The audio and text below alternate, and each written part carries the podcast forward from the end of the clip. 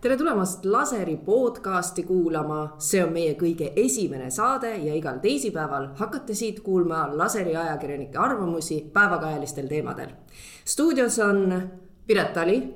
tere. kolmekümne aastase staažiga ajakirjanik ja Marii Karell, Laseri saatejuht ja kahekümne aastase staažiga ajakirjanik. Vau, ometi on kord mul midagi oma east ja kogemusest kasu me alustame kõige põletavamal teemal, mis on peaministri abikaasa skandaal ja ma just nimelt nimetan seda meelega peaministri abikaasa skandaaliks, mitte peaministri skandaaliks, sest lõppude lõpuks, kes tegeles nende vedudega Venemaale, eks ole. et asjad oleksid täpselt nimetatud.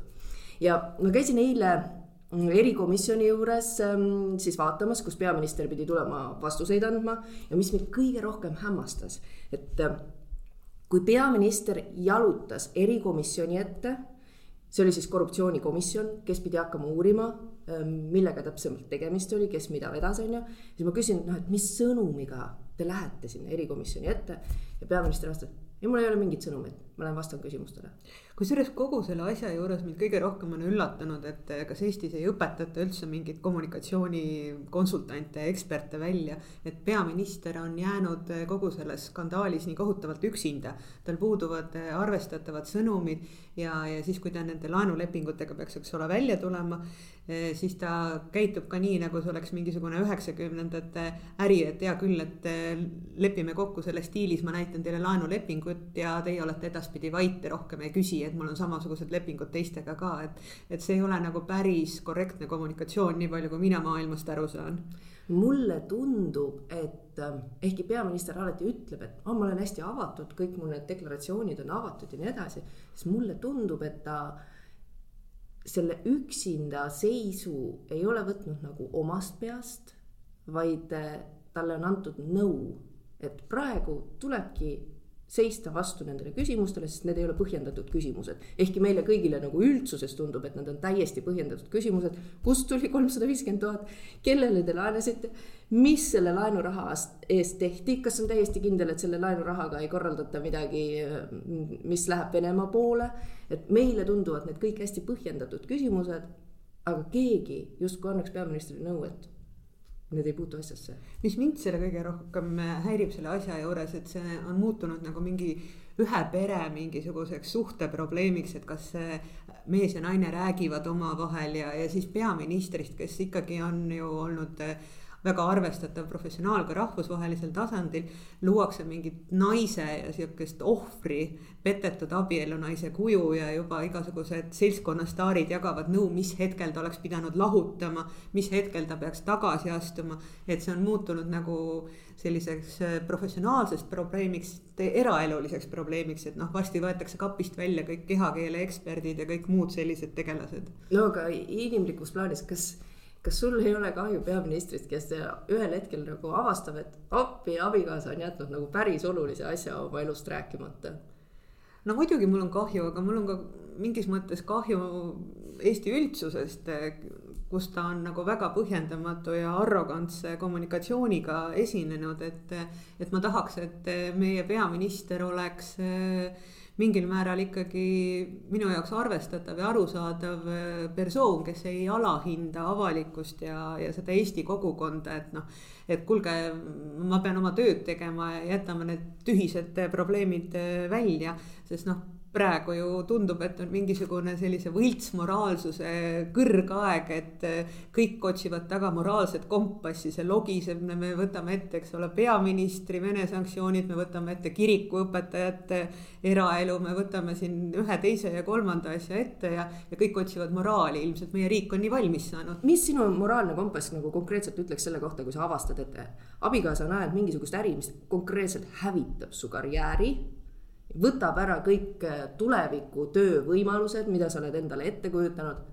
mida su moraalne kompass ütleb selle koha peal? ma ei ole jumala abiga Kaja Kallas, et ma peaks selle üle otsustama, mida ma selle pagana abikaasaga peale hakkan. et selles väike mõttes... kiusatus oleks anda lahutuspaberid sisse no meie sinuga võime vabalt talle selle nagu soovituse anda, aga noh, ütleme nii, et ta on ikka elus mõned korrad juba abielus olnud, et. et noh, see ei päästaks teda praegu Anyway, lähme tagasi selle erikomisjoni juurde, et äh, okei okay,, peaminister läheb küsimustele vastama justkui on ju. mida ma ei näinud, oli tegelikult nagu reaalne tahe küsimustele vastata, et äh, selle korruptsioonikomisjoni esimees Mart Helme. Mart Helme esimesed viisteist minutit on väga asjalik, nagu väga konstruktiivne, hästi korraldatud. me siin oleme selleks, et saada küsimustele vastuseid, on ju. ja ühel hetkel peaminister hakkab teda ründama, ütleb nagu kuulge, kust te ise selle raha saite, on ju, kuidas te seal avalikus ametis suursaatkonnas suursaadikuna töötades, kuidas te saite endale mõisa lubada, hakkab tulema see isiklik rünnak, on ju. Mart Helme korra lükkab selle tagasi, ütleb, et ei, me ei aruta siin praegu minu asju see on korruptsioonikomisjon ja me uurime, teie olete peaminister ja me uurime, kust need rahad tulid, kas seal on kõik korras, et läheme tagasi selle juurde. peaminister ründab uuesti ja vot siis läheb lappesse ja see järgmised mingisugune nelikümmend minutit toimub seal nagu uskumatu lasteaed, kus üksteist loobitakse erinevate liivakookidega, siis äh, süüdistatakse erinevates asjadest, jälle tõmmatakse välja mingid VEB-fondid ja kümme miljonit siis esineb Valdo Randpere kuskilt läbi ekraani, ma ei tea, ma isegi ei kujuta ette, kus kohas ta oli parasjagu, tundus, et kuskil kodus on ju. esineb mingisuguse tiraadiga, lihtsalt ei jõua ära kuulata ja mõtlen appi, missugune aja raiskamine. et kas tõesti kõigil nendel inimestel ei ole mitte midagi muud teha, kui siin proovida nagu üksteisega vaimukas olla. ei no samas oli ju lõputult aega selleks avalikuks esinemiseks valmis valmistuda, kui ta kõikidest erinevatest üritustest äh, keeldus. ja, ja kui antakse see võimalus olla siiras, olla empaatiline, olla osavõtlik, tulla kõikide nende teemadega välja, siis sul, kas sul ei ole nagu sellist isiksuslikku omadust või, või sa lähed sellise poliitilise madala poriloopimise kultuuriga kaasa. ja noh, kui selles vaidluses on kogu aeg välja toodud see, et jaa, aga kui me Kaja Kallasest eh, jääme ilma, siis me lõpetame sellega, et me urbaniseerume ja läheme kogu selle ekrendusega edasi siis tekib küsimus, kumb neist nagu selles vaidluses nagu käitus korrektselt ja kumb tõmbas siis nagu selle poliitilise mudaloopimise karjääri ülesse või, või suhtluskultuuri. kuigi samas noh, ma saan aru, et, et võib-olla isegi Briti parlamendis on see hullem Is, igal juhul kõik see kaastunne, mis sul tekib nagu ühel hetkel inimlikult aru saades, et siis võib-olla tõesti see kommunikatsioon abikaasa poolt ei olnud kõige no, toredam või abikaasa ei tulnud selle peale, et ta tõesti on abielus peaministriga. kõik see kaastunne haihtub sel hetkel kui peaminister otsustab, et ta tegelikult ei taha olla avatud ja ta tegelikult on arrogantselt ütleb, et milles te mind süüdistate. jah, selles kogu selles asjas on sellist eh, nagu mingi siis väga ebameeldivat üheksakümnendate vaibi, et noh, umbes, et äri on äri ja mehe asjad on mehe asjad ja minu asjad on minu asjad ja. ja kõik see asi on ju kokkuvõttes eh, väga veider, et noh, ma vaatasin täna eh, lehtedes olid kirjutanud nii Mart Kadastik kui Urmo Soonvald sellel teemal ja, ja Kadastik oli toonud välja selle paralleeli, mida eh, Kaja Kallas ise armastab tuua Briti peaministriga, kelle eh, ärinaisest naine jäi ka siis Vene teemalise äriga vahele, aga noh, tema puhul oli aru saada, et tegu oli Infosüssi puhul ju eh, tema perekonnafirmaga ja tema osalus oli seal null koma üheksa protsenti. et, et noh, ma ei tea, kas see paralleel nagu et noh, et aga brittidel on ka nii ja me ei saa ikka äri kokku tõmmata ja noh, mõnes mõttes see. Rishi Sunaki abikaasal oli noh, tõesti väga väike protsent, see on, sa ei istu seal nõukogu laua taga, et see on hoopis teine situatsioon. see oli tema perefirma. see on hoopis teine situatsioon. ja just, aga et noh, selles mõttes noh, tuua see rahvusvaheline paralleel mõnevõrra meelevaldne ja, aga õnneks ei ole ainult poliitika meie ümber, vaid nädalavahetusel on olnud äh, superäge kontsert Eesti artisti poolt, Nööpi poolt kes äh, A Le Coq Arena'l äh, müüs neliteist tuhat piletit ja see on, nii palju oli või? see on uskumatu Aa. ja ma alati mõtlen, et okei okay,, et kui sa oled nagu see artist on ju, mis hetkel sul tuleb see tunne peale, et aa, ma ei tea, ma olen praegu nagu nii kuulus, ma olen praegu nagu nii äge, et davai, teeme staadionikontserdi, ma müün need kakskümmend tuhat piletit välja, kust see tuleb nagu? noh ma ei kujuta ette täpselt, eh, selles mõttes oli nagu huvitav, et eh, minu arvates kõik on Eestis ju ka võõrdunud mingil määral nagu sellistest suurtest avalikest üritustest. ja noh, mina vaatasin eh, Inspiras seda ülekannet ja siis mingil hetkel traavis läbi laps toa ja ütles, et aga kuule, see on eestlane või, ma olen neid lugusid kuulnud või, ta on päriselt siinsamas või. noh, et inimestel puudub ilmselt mingis eas, kes nad on mitu aastat istunud lockdown'is, selline kogemus, et sa lähed, vaatad seda inimest päriselt, sa oled kellegiga koos. ja, ja see ongi nagu tore ja, ja noh, kui sellist asja ei oleks tehtud, siis oleks tulnud see välja mõelda ja minu arvates oli see nagu noh, väga suurepärane produktsioon ka seda telepildis vaadates, sest noh, ma, ma, ma ei tea küll, miks, aga ma väga ei oleks tahtnud sinna staadionile masside sisse ronida aga ma saan aru, et selle kontserdi üks mõtteid oli see, et produktsioonifirma tahtis näidata, et näete, meil siin väikses Eestis on võimalik teha staadionil üliäge kontsert. Ja et siis sellega meelitada maailmastaare siia, et meil ei oleks ainult need Eesti artistid, kes peavad selle A Le Coq Arena täis müüma, vaid et oleks ka välismaa artiste. Ja tegelikult äh, see, et NÖöP pidi viimasel hetkel kuupäeva vahetama, kuna seal toimus mingi jalgpallimäng on ju, mõjus nende piletimüügile hästi et kui neil enne oli müüdud kümme tuhat piletit, et siis nad müüsid nagu kolm tuhat pluss ja peaaegu neli tuhat juurde selle kuupäeva muutusega.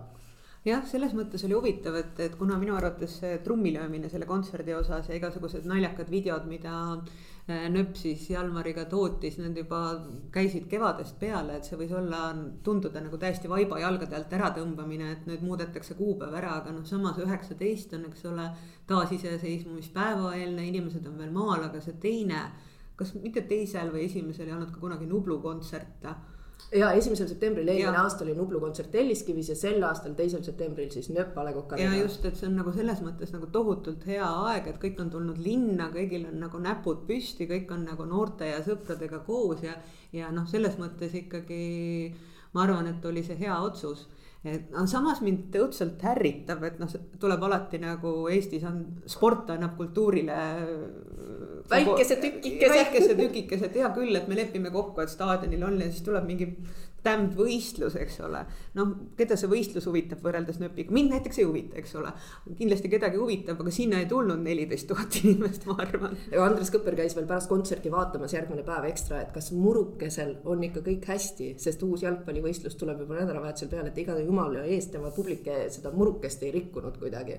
aga läheme selle Telia Inspira ülekande juurde, et seal tegelikult kasutati kaheksateist kaamerat ja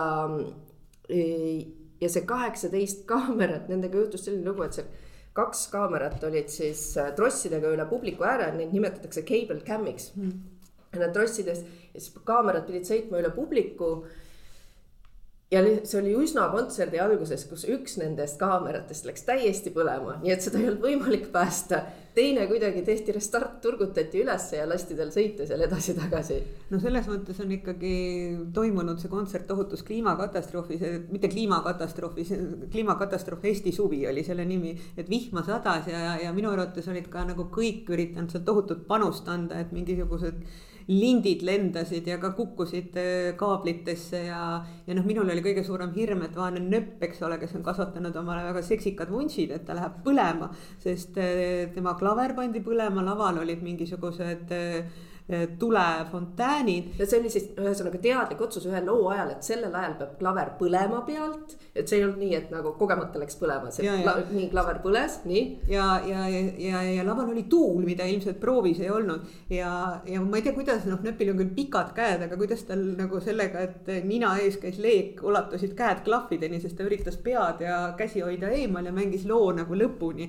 et selles mõttes on ikkagi keeruline Eestis nagu planeerida välitingimustes asja, mis äh, võiks toimida, noh näiteks Depeche Mode, eks ole, jäi ju tormi ootuses äh, ära Soomes, kuigi mingit tormi ei olnud, aga noh, inimeste pettumus võis olla kohutavalt suur. aga nööp, eks ole, vapra Eesti mehena pidas lõpuni vastu, kas kukub, eks ole, kaamera põlevana pähe, lendavad sulle mingid neljameetrised lindid või põlevad sul vuntsid klaveriga koos ära. las minna. las minna, põhiline, et publik saab, eks ole, kogu selle elamuse kätte. asi, mis mind Nööpi ja Depeche Mode'i kontserdi puhul nagu täiesti hämmastama pani, oli see, et kui pärast kontserti sa tahaks kuulda, et missugune kõige ägedam lugu oli või missugune kõige ägedam töötlus oli või kuidas sulle meeldis, siis inimesed arutasid šašlõki hindade üle mind ajab see ka Eesti Kontserdi arvustuste puhul täiesti pööraseks. ma otsisin ennem, et palju selle kontserdi pileti hind oli ja siis ma sain teada, palju maksis õlu, palju maksis šašlõkk. noh, see on täpselt samasugune, kui sa loed mingi algaja restorani kriitiku arvustust ja siis sa kuuled seda, et portsud olid suured. portsud olid parajad. portsud olid parajad just, et ma ei tea, kas saab nagu hinnata kontserti nagu samamoodi täna õhtuses laseris me räägime Tallinna linnaruumist ja tõepoolest ei, esimesel septembril eh, palju tänavaid juba avati ja palju näeb ähm, välja juba selline, nagu see algselt planeeritud on, aga väga suur osa linnast on ka veel remondis. ja võtame nüüd ükshaaval ette need tänavad, ma tahaks alustada nagu kõigepealt positiivsest ehk Vana Kalamaja tänavast. räägimegi selle jutu ära, on ju, et abilinnapea Svet kellega koos me seda linnaruumi inspekteerime täna õhtul laseriloos. Abilinnapea Svetsid, minu tervitused Vana-Kalamaja tänav on tõesti suurepäraselt välja kukkunud. viivast Booba ja seal on väga palju inimesi, jalutab, sõidab rattaga, see tänav on kujundatud niimoodi, et sa saad aru, et see on inimeste jaoks mõeldud. Ja täiesti hämmastaval kombel majad, mida sa enne polnud mitte kunagi tähele pannud, joonistuvad nüüd selle uue tänavajoonega välja ja mulle tundub, et kõik Vana-Kalamaja tänavakorterid, nende hinnad hüppasid kohe kinnisvaraturul nagu metsikult lakke no see, mille üle mul on hea meel Kalamaja elanikuna, on see, et lõpuks ometi need ärid, mis on seal kidunud, kuna nad on põlvini liivas kogu aeg olnud viimased kaks aastat, et need saavad eh, ometi kord jalad alla. see vanaproua Alma Sooäär, kes peab seda kodutarvete äri ja minu lemmik eh, pagaritöökoda ja nii edasi, noh, et kindlasti on seda kaua oodatud ja, ja, ja peab tunnistama, et ma olin ära unustanud, et Kalamajas sõidavad autod, sest ma pidin jääma pühapäeval bussi alla, sest midagi sellist ma ei olnud seal tükk aega näinud äh, Soo tänaval, et ootamatult ilmus buss aga noh, kindlasti ei ole see ka Vana-Kalamaja tänav realiseerunud sellisel kujul, nagu see oli plaanis, et seal olid ju tohutud eh, arutelud EKA-ga, et kuidas see linnaruumi väljak kujundada ja sinna pidi tulema kogukonnamaja ja sinna pidi tulema kordades rohkem rohelust ja, ja nii edasi, aga ma ei näe mingit põhjust vinguda, sest kui ma loen, eks ole, neid äh, Kalamaja kogukonna kommuune Facebookis, siis ma mõtlen, et ma ei elagi nagu samade inimestega ühes kohas, et ma ei näe põhjust vinguda. ainus, mis on võib-olla lahendamata, on see rõdusarnane asi, mis jõuab Kalaranna tänavale, et see. sellel on oma mõte. selle mõte on see, sealt sellest rõdust sa peaksid justkui nägema kaunist vaadet. Eh, merele, merele, aga seal on mingi maja ja, ees. tegelikult oli see kunagi mõeldud niimoodi, et sealt jookseb sild üle tänava ja sa saad sealt otse mereni jalutada. aga ilmselgelt selleks vist raha ei jätkunud nüüd seal on platvorm, mis sa võid vaadata seda vana lagunevat maja, on ju, millel on ühtlasi pandud siis muinsuskaitsenõuded peale. et sa ei saa seda fassaadi ära lammutada, sa pead fassaadi säilitama, mistõttu nagu omanikud otsustasid mingu siis ka oma nende nõuetega, me laseme seal lihtsalt siin kõigi silme all ära laguneda. no aga samas, eks ole, tänavafestival kestis kolm päeva, seal käisid mingid baila ja mingid salsa tunnid ja joogatunnid selle platsdarmi peal. ja, ja siis ma arutasin lugupeetud rahvakirjanikuga seal, et Käsmus on ka sihuke asi ja see on mõeldud merevaate jaoks, aga no kui väga linnavalitsus tahab, ma võin seda vana maja ka sealt platvormi pealt vaadata. palun vaata, minus tekitasid küsimusi need killustikku istutatud üksikud äh, enelad ja magesõstrad, et ma ei saa nagu aru, et mis asja, et kui me tahtsime, et see linnaruum oleks roheline, miks siis on kahel pool äh, kaunist äh, kulgevat bulevaardi keskele pandud killustikku sisse taimed, on ju nii selgus kaks asja, esiteks seda kõike ei saanud ära asfalteerida, sest muidu ei oleks olnud vihmaväel kuhugi joosta, et see killustik peab püüdma siis seda vihmavett kinni. aga teine põhjus on see, et ähm, kui me mõtleksime, et seal võiks olla selline elurikkus ja mitmed põõsad ja lillekesed õitsevad ja kõik see, mis tegelikult teeb selle ruumi nagu mõnusaks, siis mitte keegi ei viitsi ega taha maksta selle eest, et keegi käiks ja istutaks sinna mingeid hooajalisi taimekesi ja siis lõikaks oksakesi ja siis nagu kogu aeg tegeleks sellega, et see on lihtsalt nii kallis, et isegi hanketingimustes algselt peale on pandud see, tehke nagu kõige odavam lahendus, mis natukesegi meenutaks mingit rohelist linnaruumi. Ja noh, selles mõttes tundus ka nagu see tänase laseri eksperimendi puhul nagu selline mingi formaalne enelas või formaalne kapsas, et noh, te tahate oma mingit rohelist, te võite selle oma mingi kolmekümne sentimeetrise õnnetu poolrohttaime saada ja, ja see on kõik, mis teil nagu saada on. et noh, Vana-Kalamaja tänava puhul on ka Äh, minu puhul, minul näiteks kogu aeg arusaamatus, et miks seal on nagu pinnakate vorm on neli või viis, et mul on kogu aeg mure, et kas ma käin ikka õige raja peal ja kas ma teen kõike õigesti. see on väga hea, sellepärast et see pinnakatte vorm annab autojuhtidele selle signaali, et vot nemad siin küll kõnniteele ja ükskõik, mis pidi on pandud see Anna teed märk, siis tegelikult Vana-Kalamaja tänavas kulgeb äh, rahvas mööda tänavat ja kõik, kes Soo tänavast peale tulevad, jäävad sinna peatuma. aga lähme siit edasi ähm, Kaubamaja ristmikusse ja Pronksi tänavasse ja Raua tänavasse, millest me täna õhtuses laseris ka räägime, sest et äh, linna poolt on kehtestatud, et linna südameks on Viru keskus nii jabur, kui see meile ka ei tundu, sest mõtled, et okei okay,, linna süda võiks olla, ma ei tea, kas vanalinn või mingi park. Vabaduse väljak, Raekoja plats, mida iganes. Viru keskus, vot Viru keskuse juures peavad nagu kõik inimesed äh, kokku saama ja siis sa mõtled, kui kõik inimesed seal kokku saavad, siis see võiks olla mingi mõnus koht, kus kokku saada, kus arutada omavahel asju see kahjuks ei hakka kõik niimoodi olema. see ei ole kunagi tööle hakanud, isegi see postament, mille juures te Vladimir Svetiga rääkisite. mis postament, keegi, keegi ei pane tähelegi, et see hiidneitsi seal seisab, sest see on üleni kivilinnas, eks mitte ole. keegi ei käi seal, noh, ma oleks arvanud, et sinna tulevad mingid noored chill ima või mida iganes, ei, nad on Tammsaare pargis, mitte seal. sest et seal ei ole rohelust ja mis on nagu kurb uudis, on see, et sinna ka ei tule rohelust, et esimest korda eh, me siis suutsime kuidagi välja kaevata mingisugused visuaalid või projektid, missugune hakkab linnaruum välja nägema. ja see on nagu omaette ooper, et kui rahva raha eest e-, ehitatakse avalikku linnaruumi, miks siis sellele rahvale ei räägita, mida me oma raha eest saame kui sa püüad hakata linnavalitsusest projekte või visuaale kätte saama, et missugune see kõik siis välja näeb, kui kopad on nagu oma töö lõpetanud.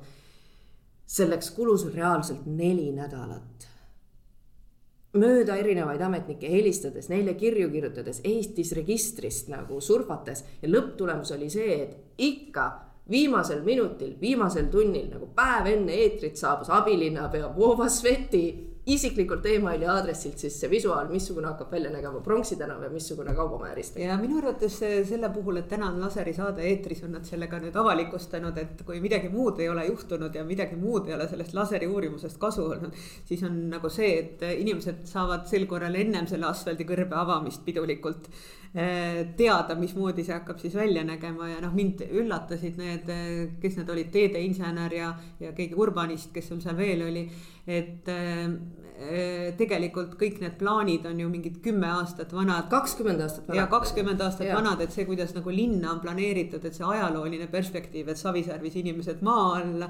nüüd tuuakse inimesed maa peale ja mitte kellelgi pole arusaamist, mida nad seal peale peaksid hakkama. Nad jalutavad mööda asfalti, sest tõesti sinna Kaubamaja ristmikule mitte ühtegi taime ei tule, et seal noh, konkreetselt see on fakt, ühtegi taime sinna ei tule, see kõik üleni on sillutise ja asfaldiga kaetud Eh, kui me liigume edasi Raua tänavale, siis sinna tuleb nagu paarkümmend õnnetut enelat ja viis, viis läik, viis läiklehist Pärna, mis tekitab tunde, et nagu Tallinna linnavalitsuses haljastust mõõdetakse ainult enelastest ja Pärnades. ja siis ma mõtlesin, kuidas see nii saab võimalik olla või mis, mis selle asja mõte on. Nii, läheme edasi. Mööda Pronksi tänavat, Pronksi tänavalt vastu äh, vastu nende kohalike inimeste siis soove eemaldati need vanad iidsed puud sealt, võeti kakskümmend kaks puud ära. Mille peale abilinnapea Svet ütles nagu bravuurikalt, oi, aga me paneme siia viis korda rohkem rohelust juurde. Ja tal on seda hästi lihtne öelda, sest tegelikult on olemas kohaliku omavalitsuse korralduse seadus ja looduskaitseseadus, mille järgi sa peadki tegema asendusistutust. et kui sul on seal üks suur jäme puu, siis äh, selle suure jämeda puu asendusistutus on viis väikest puud noh. kui väikest siis? no väga väiksed, no.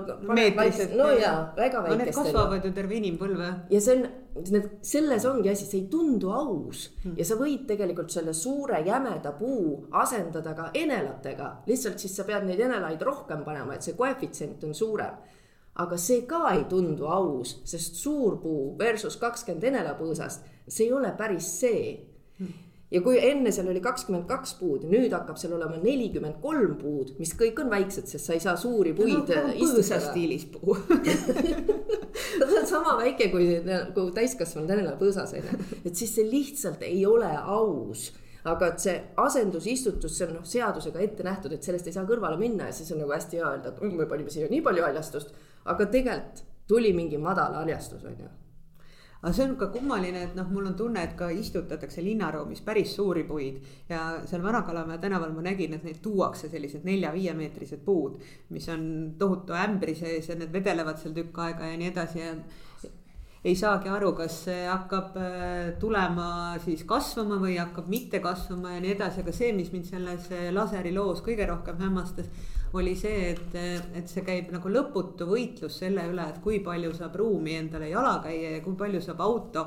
et noh, hea küll, nagu Svet ütles, on prioriteet sellel kaubamaja ristmikul tramm ja buss. Tramm and bus, eks aga ole. kes käib tramm and bus'is? Trummond-Bussis käib inimene. ja käib inimene ja kui see inimene sealt välja saab, siis ta on nagu rott sellel kõrbes, eh, asfaldikõrbes aga, aga, aga kui, kui tahaks, eks ole, lapsukene sõita kooli jalgrattaga sinnasamasse kooli, kus on tuhat nelisada õpilast. kahekümne, kahekümne esimesse kooli, siis tema äh, see tore jalgrattatee saab seal nagu müstiliselt otsa. sest mulle väga meeldib jalgrattaga sõita, aga ma kunagi ei saa aru, kuidas need tänavad omavahel seotud on, et ma mingil hetkel lihtsalt leian ennast ummikus rattaga. ja siis on nagu ainus variant, kas sa võtad selle selga, hakkad autoks ja, ja no,. tähendab sinu... jalgrattaga sõitmiseks tehti sulle see Vana Kalamaja tänav on ju, sõida seal edasi-tagasi sest et nagu ütles ERR-i korrespondent hommikuses Terevisioonis on ju seistes uhkelt Stockmanni ristmiku peal, et näete, see ristmik on avatud, kõik vanemad saavad oma lapsed nüüd mugavalt kahekümne esimesse kooli viia. Ma ei tea, mina küll ei viinud, minu arvates ta läks ise trammiga et ma ei kujuta ette, et vaata, ega siis sealt äh, linnaruumist ei hakka need autod äh, kuhugi ära minema, kui on tehtud hästi mugavalt suureks need tänavad. et mis me veel teeme, on see, et me mõõdame ära sõiduread. et sõiduridadele on kehtestatud Euroopas äh, nõuded ja mida kitsam on sõidurada, seda ettevaatlikumalt autojuht seal sõidab ja seda rohkem ta saab aru, et okei okay,, et see on jalakäijatega jagan seda ruumi, et see ei ole siin mingi magistraal hmm ja kui me räägime nagu Jõe ja Pronksi tänavast, siis et oi, siit saab sadamasse, see on mingi tohutu sadamamagistraal. kes see, kes see autoga läheb selle sadamasse? jaoks ehitati Reidi tee, et see oleks magistraal, on ju. Jõe ja Pronksi ja Raua tänavad, need on südalinn, kus peaks toimuma elu. elu tähendab seda, et inimesed saavad kokku, vestlevad omavahel kohtuvad linnaruumis inimestega, keda nad pole juba ammu näinud, sõlmivad uusi tutvusi, mängivad, et see on su elukoht. aga need uued tänavad kahjuks tulevad üsna samasugused, nagu need siiani olnud on. täpselt samamoodi järgib kõik see kolm rida ühe, ühtepidi autosid, kaks rida teistpidi autosid ja seda on väga kurb näha. Sest me arvasime, et me oleme nagu palju arenenumad selles inimväärse aga, linnaruumi ehituses. aga noh, lemmiktsitaat, mis laseris on kõrvalt intervjuus, on ju alati see et äh, Tallinn on ikkagi olnud autokeskne linn ja ta selleks jääb ja no minu arvates äh, kõige piltlikum äh, vaade oli sellele see, kui Vana-Kalamaja tänava avapidustuste käigus oli sinna kooli ja sauna vahele kaks autot sõitnud, kus nad ei pidanud üldse olema, parkinud haljasalani ja olid vajunud kuni esisillani mutta et noh, selles mõttes, et mm, see oleks nagu mingi inimõigus, et sa pead absoluutselt igale poole autoga saama. ja, ja noh, ma ei räägi ainuüksi sellest, et see linnaruum võiks olla inimnäoline. ma räägin ka sellest, et see müra on tegelikult kohutav, et noh, me hakkame just tegelema sellega, et me hakkame mõõtma müra ja, ja kui me oleme siin Vabaduse väljaku juures ja kui see müra on nagu eh, noh, sada korda suurem, kui nagu üldse saab olla. et siis äh, tekibki küsimus, et kes siia linna alles jääb, kui me üritame siit igal võimalusel ise minema, minna elada kusagil suvekodudes, maakodudes. ja, ja me ei taha olla siin müra, liikluskaose ja kõige muu sees ja noh, praegu tundub, et et kui keegi hakkab siin äh, nagu ametikohta ja usaldust kaotama, siis ei ole mitte ainult Kaja Kallas, vaid see on ka linnapea Kõlvart, kellele tahetakse linnavalitsuses avaldada liikluskaose eest äh, umbusaldust mürast ja linnaruumist me räägime kindlasti veel järgmistel kordadel, täpselt samamoodi nagu me räägime peaministri skandaalist, sest tegelikult miks ma üldse seal erikomisjoni istungil käisin, oli see, et me teeme pikemat dokumentaalžanri peaministri abikaasa skandaalist. ja me jälgime seda skandaali päevade, nädalate ja nii edasi kaupa, ma ei oska nagu praeguses hetkes öelda, millal see kõik eetrisse jõuab. mulle tundub, et see ei lahene veel niipea kuidas läheb sinu enda moraalsel kompassil, kas see on nagu kaotanud igasuguse orientiiri? pendeldab nagu Pendeldab. suvalistes suundades, et äh, see on, see on tegelikult väga raske skandaal ja ma tunnen, kuidas inimesed äh, väga elavad seda isiklikult üle, nagu me kogemata oleks ise midagi valesti teinud kusjuures naisena ma tahaks olla peaministri poolt, ma tahaks olla. naise poolt. naise poolt, ma tahaks olla selle poolt, et head võidavad, aga kui head ei ole head, mis siis teha? Igal juhul me oleme kindlasti teie poolt, kes te meid kuulasite, kuulake meid taas järgmisel teisipäeval. laseri podcast hakkab nüüd igal nädalal kajastama päevakajalisi teemasid. vaadake õhtul TV3-st kell kakskümmend kolmkümmend laseri saadet ja kirjutage meile laser.laser.ee, leidke meid Facebookist ja Tiktokist. kohtumiseni